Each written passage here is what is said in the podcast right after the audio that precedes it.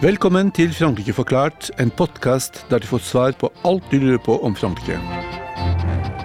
Mitt navn er Frank Urban. Og jeg heter Kjerstin Aukrust. I dagens Frankrike forklart skal vi snakke om ståa på den franske høyresiden noen uker før presidentvalget.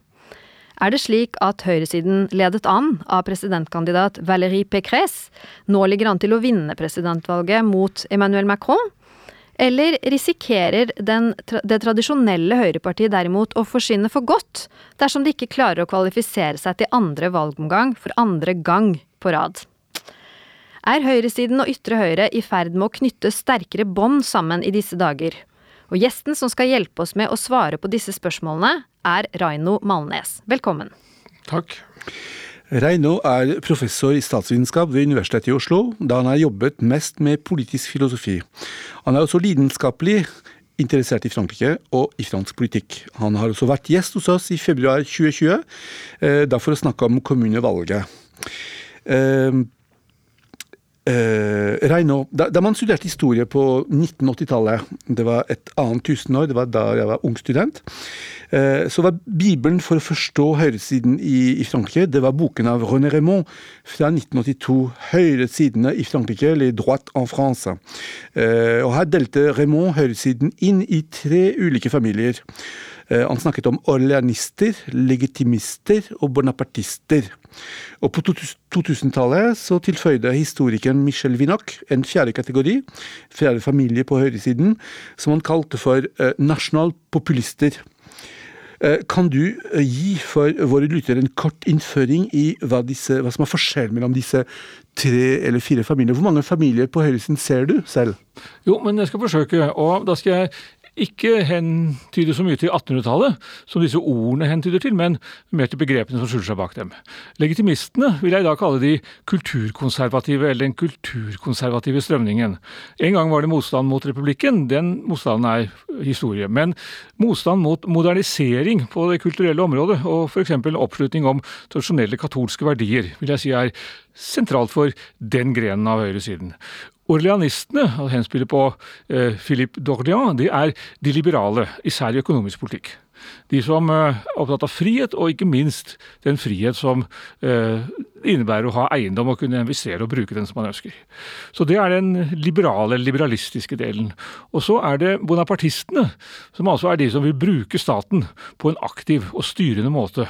Som har en eh, ambisjon, Frankrike kalles det ofte voluntarisme, som går ut på at man kan ved hjelp av statsmakt utrette store ting. Og det er også en den delen av høyresiden som er si, minst opptatt av, eller mest opptatt av å styrke den utøvende makten, altså regjeringen og presidenten spesielt, og minst opptatt av å styrke nasjonalforsamlingens uh, makt. Den siste gruppen, uh, det er jo Eh, vi kan begynne, Hvis vi tar de nasjonalpopulistiske, la oss begynne med den mildeste varianten. Det er den som er skeptisk til, eller kanskje direkte motstander av europeisk integrasjon. Altså som vil verne om fransk suverenitet, og som kanskje for noens vedkommende innebærer utmelding av, om ikke EU i sin helhet, så iallfall f.eks. fellesvaluta og sånne ting. Men så er det også en, mer, en, en, en sterkere og grovere variant av den nasjonalpopulistiske bevegelsen, som går, ut, går inn på å hegne om fransk kultur som et slags fellesskap som skal beskyttes mot innflytelse fra andre kulturer. Altså mot multikulturalisme, og for vi kan godt si det enkelt, ensretting på det kulturelle området. Det betyr f.eks. at man skal uh, være særlig på vakt overfor uh, innflytelse fra muslimske tradisjoner og muslimske skikker og, og klesdrakter og hva det måtte være. Og vel, uh, er dette fortsatt en Firedeling? Ja, for det var mitt ja. spørsmål, det var mitt oppfølgingsspørsmål. Er de fortsatt relevante, disse kategoriene? Ja, vel, ja, det er de. Det vil jeg si. Uh, det finnes en sterk uh, strømning av kulturell tradisjonalisme på høyresiden, som bl.a. har gitt seg utslag nylig i et kraftig opprør mot liberalisering og modernisering av ekteskapsloven.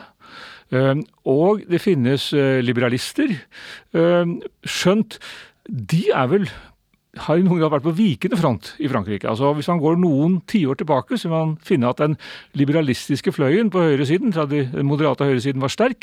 I dag er den svakere. Eh, og det har litt å gjøre med at den den kulturpatriotiske, eller hvilket uttrykk var det egentlig du brukte? Du brukte det, det populist, nasjonalpopulistiske. Har blitt en mye sterkere del og mye sterkere komponent på høyresiden.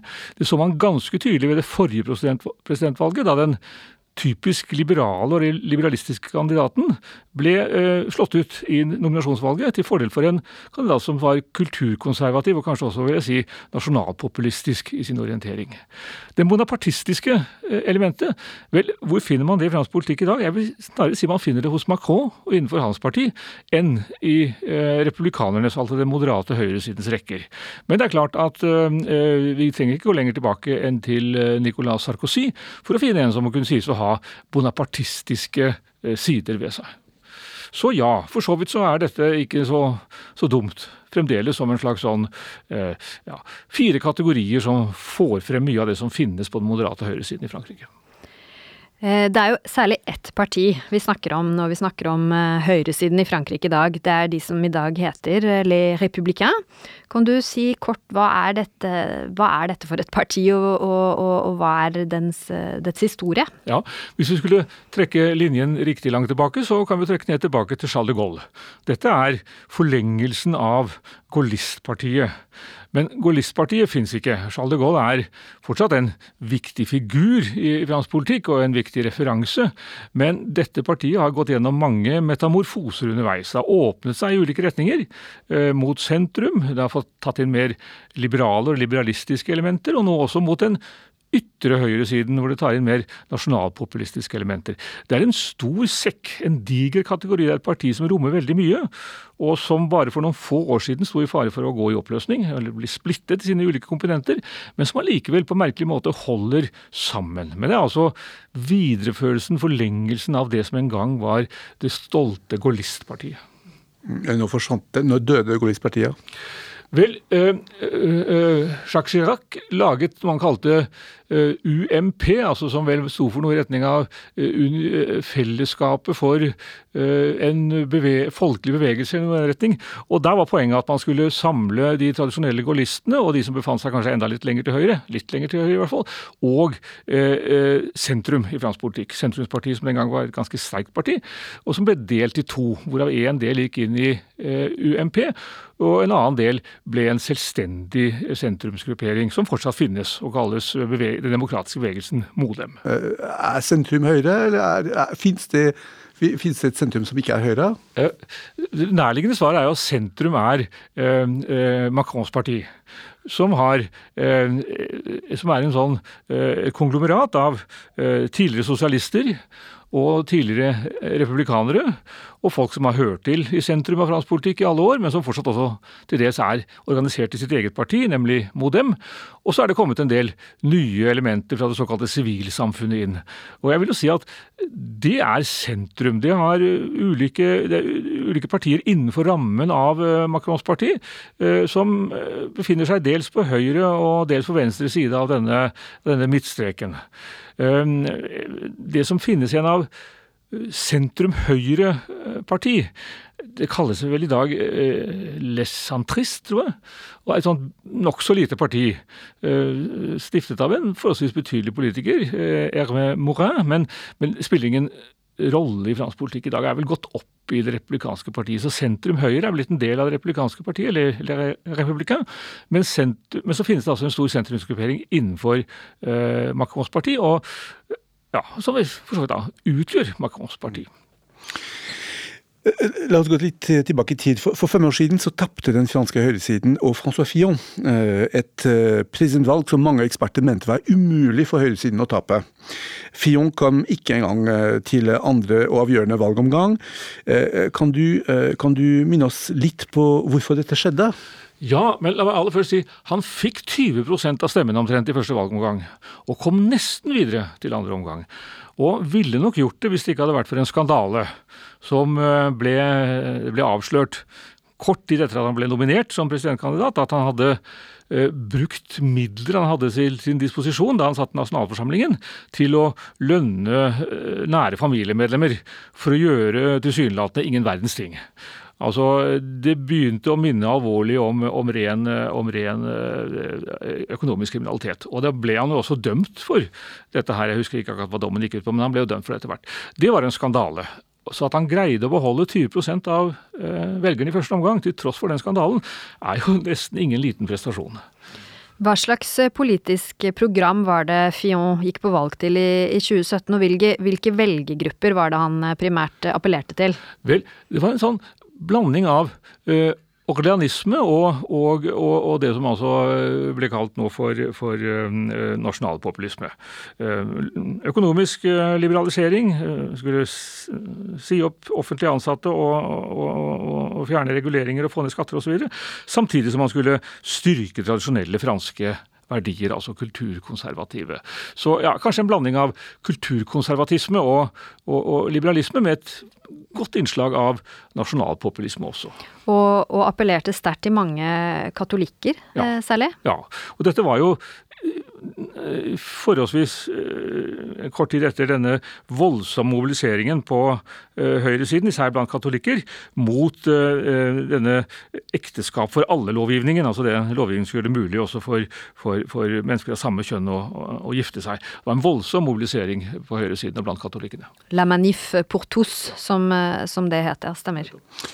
Eh, samtidig så fikk man litt inntrykk av at høyresiden gikk litt i spagatten mellom, mellom, på en måte en eh, liberal eh, økonomisk profil på den ene siden og en verdi, en ultraverdig konservativ side. Så det, det, er kanskje det som har vært i økende grad problemet på høyresiden. Vanskelig spagat, for det er vanskelig å være svært liberal i økonomiske spørsmål, men, men illiberal i, i, kulturelle spørsmål, altså konservative kulturelle spørsmål. Så der mistet jo republikanerne mange stemmer til, til Macron, eller mange stemmer som Macron kunne plukke opp og bygge på når han i løpet av rekordtid skapte sin politiske bevegelse. Men altså, la oss holde fast på at det var hele 20% som stemte på han i første omgang. I dag er det å ha 20 oppslutning eh, eller av eh, velgerintensjonene for første omgang, det er ikke dårlig. Det er det bare en som har, det er Macron. Han har litt mer, til og med. Men for første gang noensinne under Den femte republikk ble altså den franske høyresiden i 2017 kastet ut av andre omgang. Eh, og en rekke eksperter de spådde at høyresiden ville eh, komme stadig mer i klemme mellom det vi snakket om, den sentrumsorienterte Emmanuel Macron og høyrepopulisten Marine Le Pen, og at den tradisjonelle høyresiden trolig ville forsvinne som en følge av dette. Eh, målet til Macron skal sågar ha vært å faire exploser la droite har det skjedd? Uh, hvordan vil du si at høyrepartiene tross alt har klart seg frem til årets presidentvalg? Vel, overraskende bra, for det knaket jo voldsomt i sammenføyningene.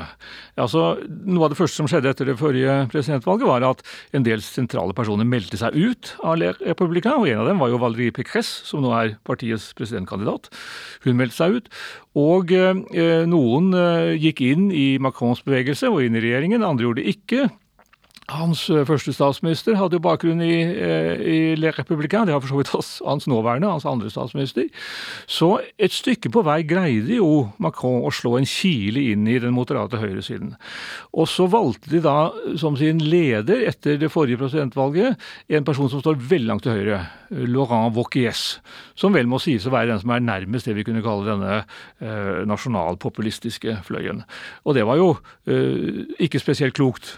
Eh, og de gjorde et par-tre forferdelig dårlige valg. Europaparlamentet og regionvalget og kommunevalget var ikke så verst, forresten, men det er noe annet. Det er liksom en helt spesiell sammenheng i Frankrike.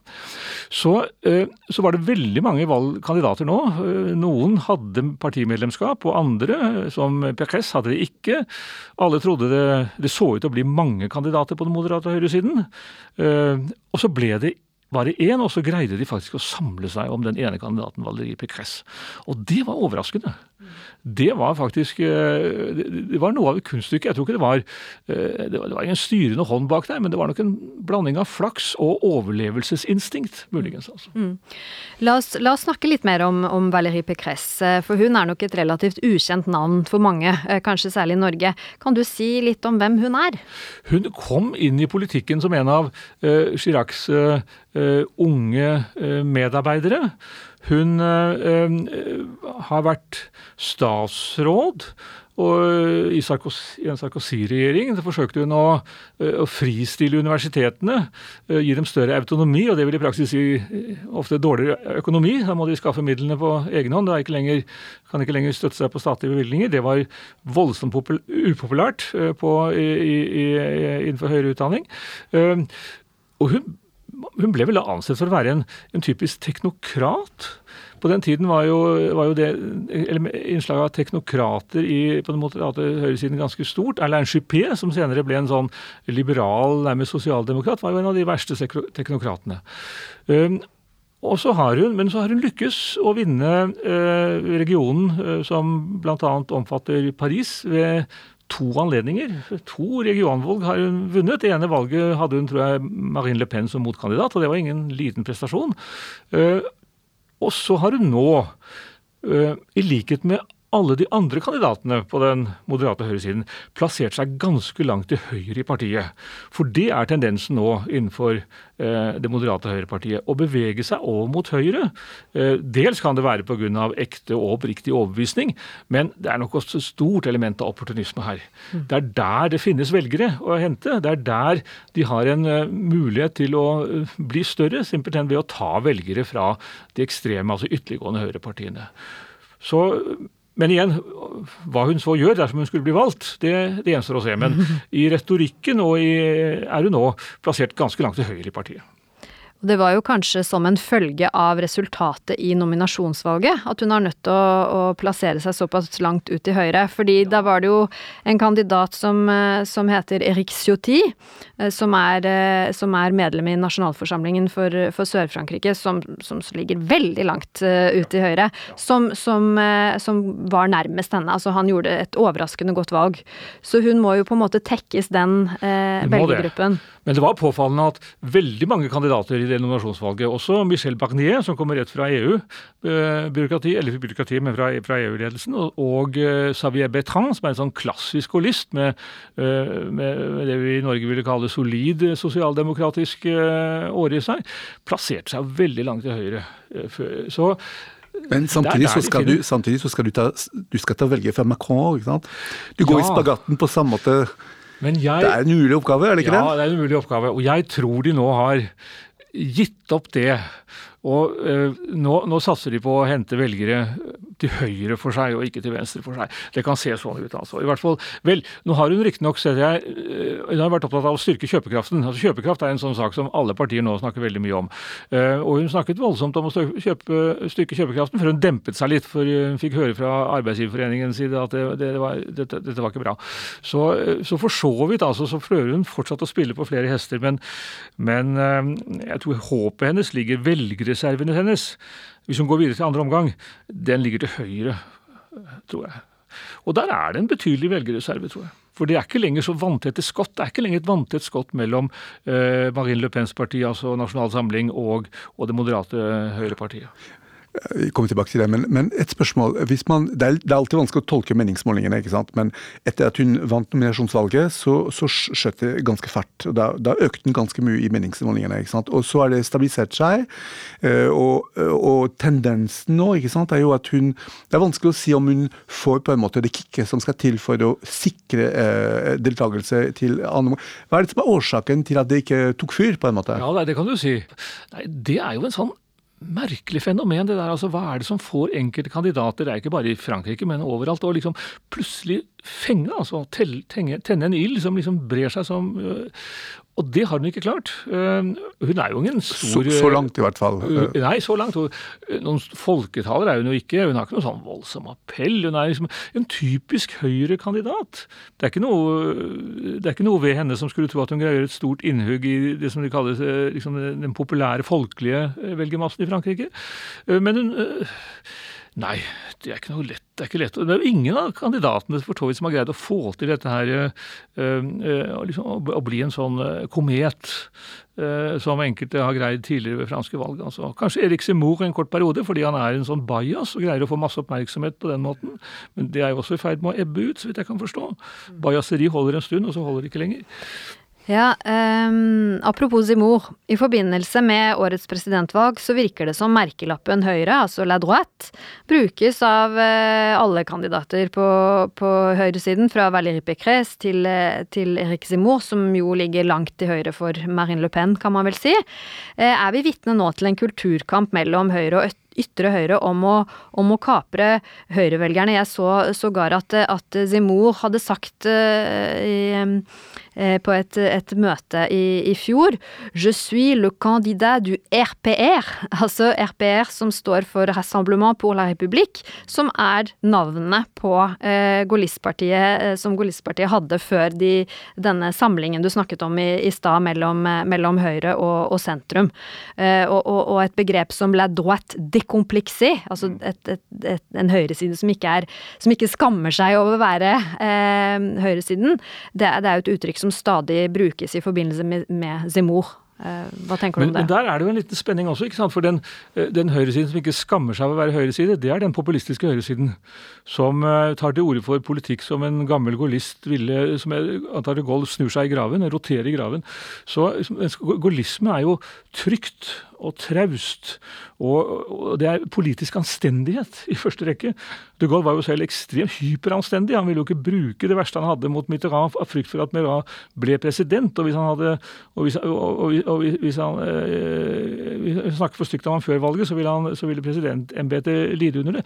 Altså, De Gaulle var en ekstremt ansvarlig politiker på dette vis. Mens Semo er en sånn Han er jo en sånn Hadde ikke vært for at han var betydelig mer intelligent enn Trump, så ville vi jo uten videre slått ham i kategori eller hardcore med Trump. ikke sant? Det er den samme type øh, klovneri.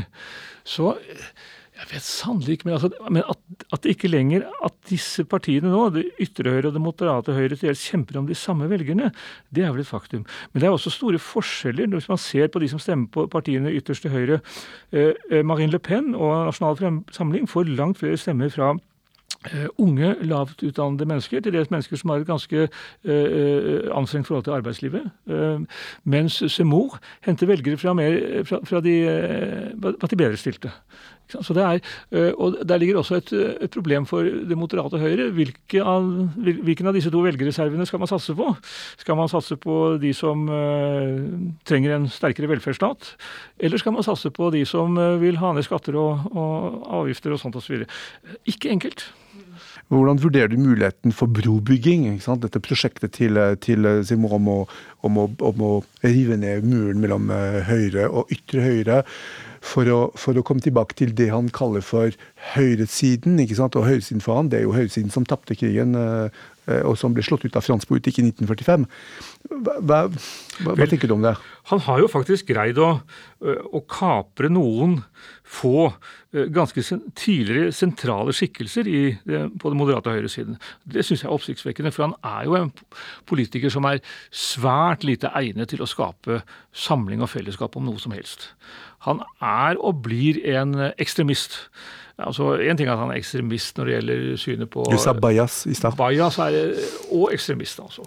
Uh, hans syn på forholdet mellom kjønnene er jo det er jo, det er jo mye mer oppsiktsvekkende hans syn på forhold mellom regioner og kulturer. Altså. Det er, du skal lete lenge i politikk i dag, bortsett fra kanskje Polen, for å finne politikere som med ren, nokså rene ord sier at kvinner hører hjemme på kjøkkenet. Og det sier jo faktisk Sumor med nokså rene ord. Så å tenke seg at en sånn politiker skulle være en samlende skikkelse på høyresiden, det tror jeg ikke noe på. Men grunnlaget for samling tror jeg finnes allikevel. Fordi velgerne, de velgerne, de som stemmer til Høyre, de betrakter ikke lenger ytre Høyre som, uh, som et sted man ikke ferdes. Altså. Det stigmaet som tidligere knyttet seg til uh, Nasjonal Front, det er langt på vei borte. Og Det betyr at der har den moderate høyresiden et betydelig uh, velger, et potensial.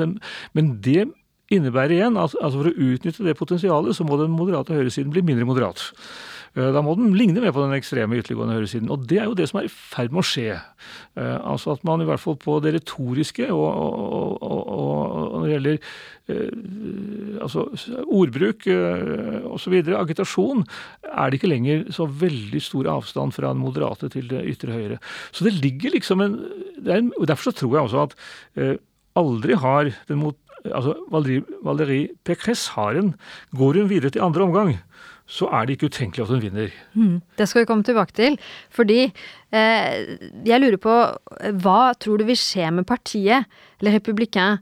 Eh, for det første, hvis Pécresse ikke kommer videre til andre valgomgang, altså er det eh, rett og slett slutten på det gaullistiske partiet? Eh, altså, eller, eller, denne brobyggingen vi, snak, vi snakker om, kan den formaliseres i større grad hvis Le Républicain nå for andre gang ikke kommer til andre valgomgang?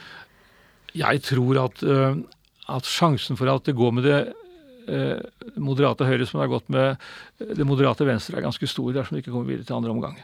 Altså Sosialistpartiet finnes nå i form av en, en, liten blant mange andre små politiske grupperinger. Det som en gang var det eh, største partiet i Frankrike.